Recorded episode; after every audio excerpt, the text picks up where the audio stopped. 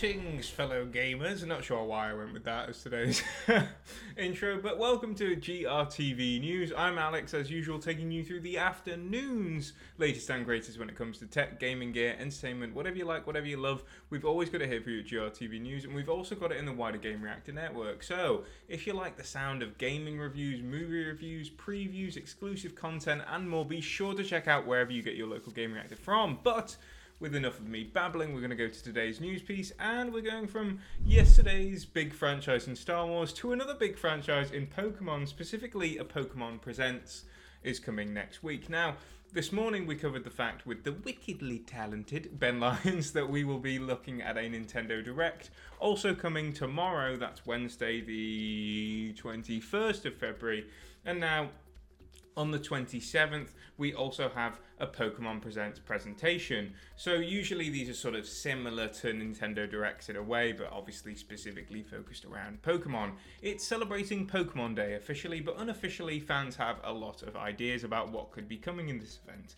It'll be held on 2 o'clock slash 3 o'clock GMT slash Central European time, depending on where you are in the world. Obviously, 6 a.m. Pacific Standard Time, but who really cares about American times? Don't they get enough?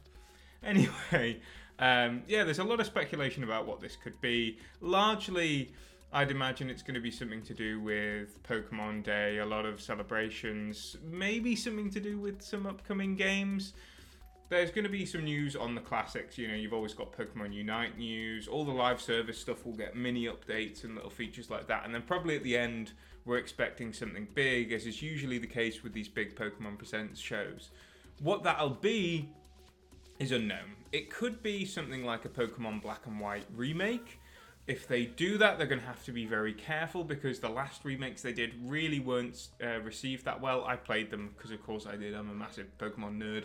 But um, at the same time, they didn't even give you the same level of content that Pokemon Platinum did.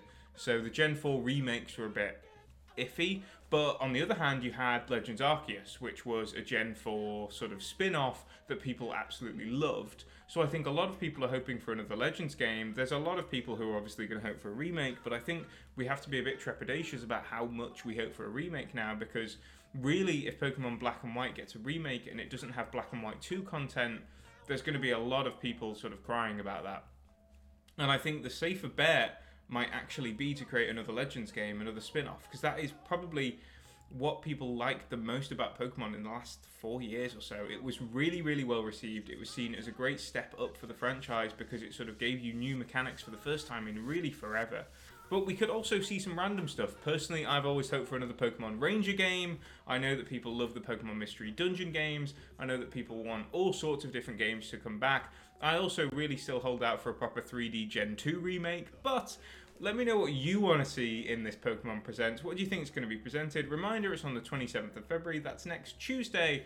So make sure you keep an eye out for that. We'll be covering all the news from it, and uh, I'll probably be covering it in a GRTV news as well. So I'll see you then, guys. Bye bye.